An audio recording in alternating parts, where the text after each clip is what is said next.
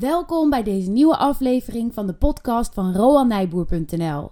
In deze aflevering gaan we het hebben over hoe je een aandeel daadwerkelijk koopt. Daarvoor heb je een broker nodig en hoe dat precies zit, dat leggen we in deze aflevering uit. Luister je mee?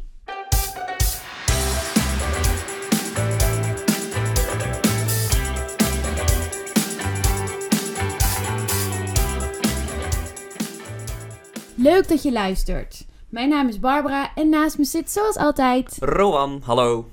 Ja, en we gaan het dus hebben over hoe je een aandeel daadwerkelijk koopt. En ik noemde net al in de intro, daarvoor heb je een broker nodig. We hebben in de vorige afleveringen al besproken hoe dat precies werkt met een aandeel kopen en dat dat eigenlijk op de beurs gebeurt. Maar om dus bij die beurs te komen, moet je een soort tussenpersoon hebben. En dat is de broker. Rowan, kun je uitleggen hoe dat precies werkt? Ja, het is heel lastig. eh, je hebt het helemaal goed. Het is heel lastig om eh, direct een aandeel te kopen. Dat jij als particulier een soort van order naar de beurs stuurt.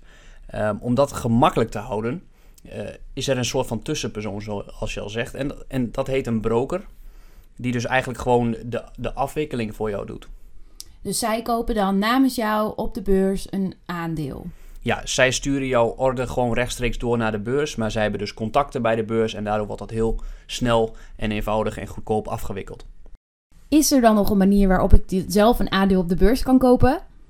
Ja, je wilt het liefst zelf doen, hè? Maar eh, nee, helaas. Voor particulieren is dat niet mogelijk. Oké, dus ik moet langs die broker. Ja. En dat roept bij mij de volgende vraag op. Hoe weet ik nou of zo'n broker betrouwbaar is? Want ja, gaat er dan wel met mijn geld van tussen naar de beursvloer? Ja, terechte vraag. Eh, Want het is jouw geld en dat moet natuurlijk veilig zijn. En het gaat vaak om eh, grote bedragen, zeker als je belegt voor je pensioen. Dus dat moet gewoon veilig zijn. En gelukkig zijn de meeste brokers vrij veilig. Het zijn wel commerciële partijen, dus ze kunnen soms failliet gaan. Maar het voordeel is, als jij besluit om een aandeel of een indexfonds te kopen bij een broker. En wat je dan gaat doen is, je stort daar geld op. Via iDeal kan dat bijvoorbeeld, daar komen we straks misschien nog wel op. En je koopt daarvoor een aandeel dan ben jij juridisch eigenaar van dat aandeel. Mocht de broker om wat voor reden dan ook failliet gaan, ben jij nog steeds eigenaar van dat aandeel. Dus als ik het goed begrijp, is het eigenlijk altijd veilig om een aandeel te kopen in Nederland, want ik word de juridisch eigenaar. Ja, klopt. Jij bent de eigenaar van dat aandeel. Kan ik dan ook zomaar een willekeurige broker selecteren en daar mijn aandelen via kopen? Of zeg je nou, doe dat maar niet? Nou, ik zal, ik zal dat niet willekeurig selecteren, want er zit een groot verschil in. Er zijn eh, misschien wel 50 partijen in Nederland waar je dat via kan doen. En er zit echt een groot verschil in. En er zit een verschil in service. En er zit ook een groot verschil in kosten. Misschien kan ik een voorbeeld geven. Ik hoor de laatste tijd veel eh, vrienden die beleggen via Peaks. P-E-A-K-S. Dat is een app van de Rabobank. En het is super gebruiksvriendelijk. Je stort er geld op en je ziet continu op je app hoe je beleggingen ervoor staat. En eigenlijk is alles geautomatiseerd. Super gebruiksvriendelijk. Het nadeel is dat de kosten van het gebruik van die app vrij hoog zijn. En dat drukt dus je rendement. Kun je eens uitleggen hoe dat precies zit met die kosten dan? Ja, tuurlijk. Eh, in het voorbeeld van Peaks, daar betaal je als klant 1 euro per maand voor het gebruik van die app. En dat lijkt natuurlijk heel weinig. Wat is nou 1 euro per maand? Alleen, als je begint met een klein bedrag, ik noem maar wat 100 euro, begin je met beleggen, dan is 1 euro per maand, dat is 12 euro per jaar, dat is 12% En 12% dat haal je met beleggen niet zo makkelijk. Precies, jij hebt me geleerd, eh, index beleggen, daar haal je gemiddeld 7% rendement. Klopt. En dat rendement mag je eigenlijk met Peaks ook verwachten als je veel in aandelen of in indexfondsen via dat belegt. En dat zou dus betekenen dat je eh, echt gewoon een relatief laag rendement behaalt, doordat je jouw rendement corrigeert voor die kosten. Ja, en in dit geval dus die 100 euro, dan maak je echt een negatief rendement door die hoge kosten. In een van de vorige podcasts hadden we het over beginnen met een klein bedrag. Maar als ik dat zo hoor, kan dat met Peaks dus eigenlijk helemaal niet uit. Ja, klopt. Zeker als je nog een klein bedrag daarop hebt staan, dan, dan kan het er niet uit omdat de kosten naar verhouding te hoog zijn. Goed, dan moet je dus bij Peaks, is het pas aantrekkelijk met een hoger bedrag. Hoe kun je dan toch beginnen met beleggen als je een klein bedrag hebt om mee te starten? Nou, met een klein bedrag, eh, wat ik dan mensen aanraad, is, is via de Giro. Dat is een echte online broker. De service is daar wat minder. Het gaat niet geautomatiseerd. Wat je daar doet is het geld erop storten via iDeal. En dan voer je zelf de transactie uit. Maar er zijn daar geen vaste kosten, zoals bij Peaks. Ja, dus waar je bij Peaks, hè, de Rabobank gaat voor jou regelen dat, uh, dat bijvoorbeeld jij zegt: Oké, elke maand gaat 20 euro van mijn rekening naar die. Nou ja, 20 euro moet je dus eigenlijk niet doen. Dus elke maand gaat uh, ehm, 200 euro van mijn rekening gaat naar een voorgespecificeerd index, bijvoorbeeld. Moet ik dan aan denken. Um, want het lijkt me lastig met aandelen selecteren zelf. Dan zul je toch zelf de orde moeten geven, lijkt me. Klopt. En bij de Giro bijvoorbeeld zul je actief zelf dan elke maand 200 euro van jouw lopende rekening naar de Giro moeten storten. En dan ook nog eens bij de Giro-rekening zelf het indexfonds, de indexbelegging kopen. Klopt. Klopt. Um, nou, je noemt nu de Giro. Maar volgens mij heb je wel meerdere online spelers. En is er volgens mij ook recent een nieuwe de markt opgekomen. Hoe zit het daar dan mee? Klopt, ja, je hebt diverse online spelers. Uh, een hele andere bekende is Binkbank. Die hebben veel hogere kosten dan bijvoorbeeld de Giro. Vandaar dat ik bij de Giro zit en niet bij Binkbank. Maar ze werken in principe exact hetzelfde. Het enige verschil zijn wat mij betreft de kosten. En je hebt uh, een Duitse partij die net nieuw is en uh, agressief adverteert. Flatex, of hoe je het ook uitspreekt. die adverteren eigenlijk met nul vaste kosten en nul transactiekosten. Dus daar kan je gratis handelen. Oh wauw, dat klinkt wel heel aantrekkelijk. Dat klinkt toch geweldig. maar waarom zit je dan niet bij Flatex? Ja, iets wat eigenlijk uh, te mooi klinkt om waar te zijn. Dat, dat, dat is het vaak ook. En uh, ja, ze zijn net nieuw. Even kijken hoe het uitpakt. Misschien, ik heb er nog niet goed onderzoek naar gedaan. Maar ze verdienen op een andere manier aan de klanten. En welke manier is dat?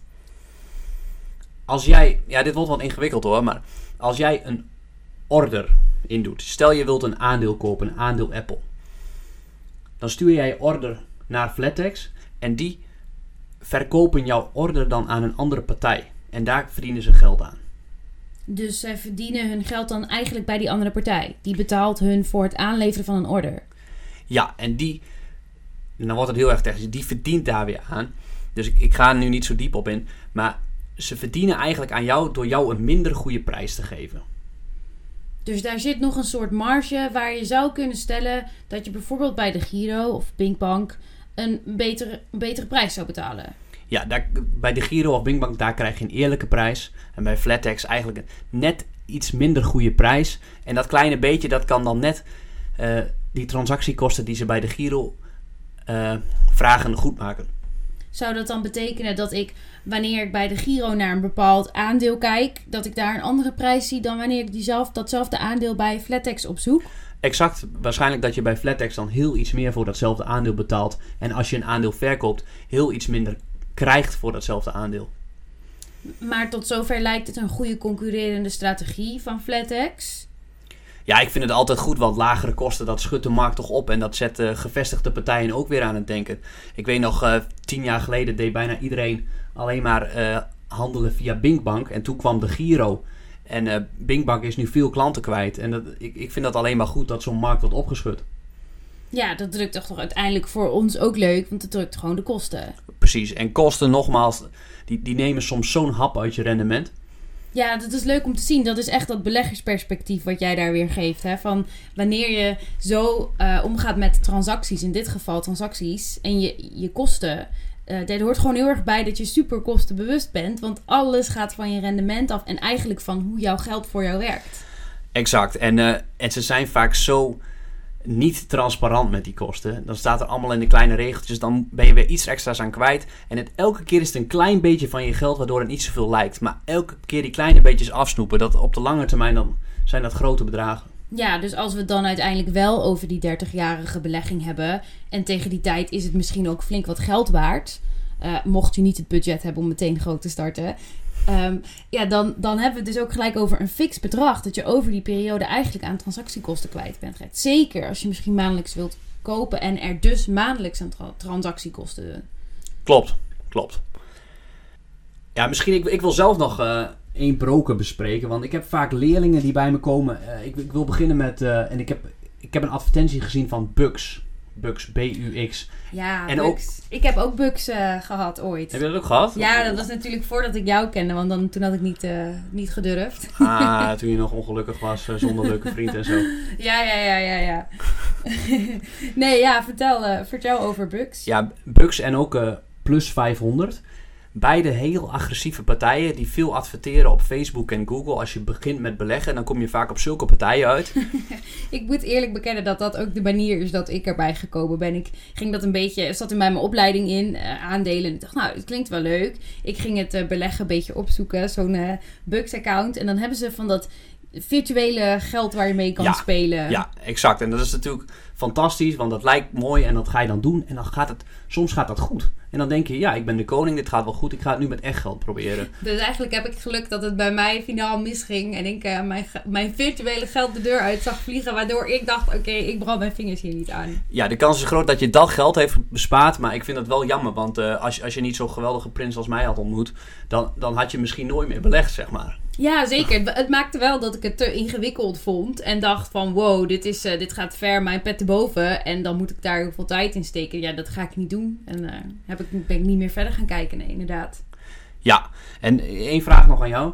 Hoeveel procent van degene die daadwerkelijk gaat beleggen bij Bux of Plus 500... hoeveel procent van de mensen maakt nou verlies op de lange termijn?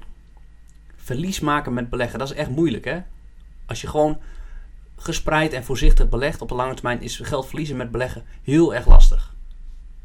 Eh, ja, als jij dit zo stelt, dan neem ik aan dat het een behoorlijk percentage is. Maar ik heb geen idee.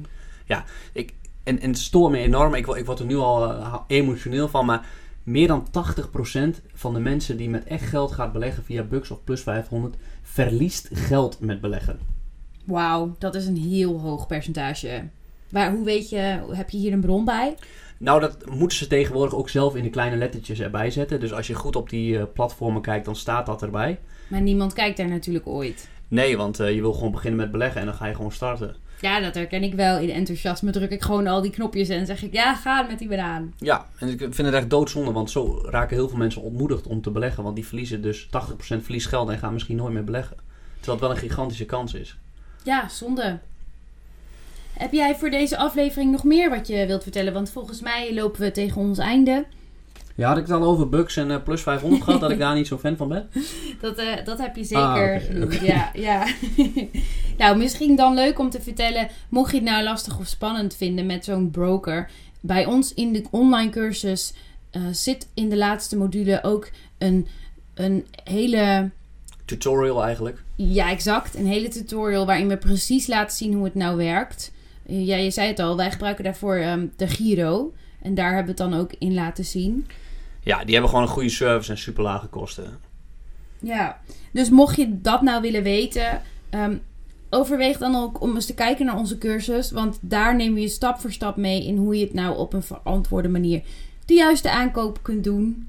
En ehm dat was het voor nu. Was dat het alweer? Dat was het alweer. Wat gaan we zo doen? Ja, op de bank zitten. Oh, op de bank zitten. Tot de volgende keer. Oké, hoi, doei doei.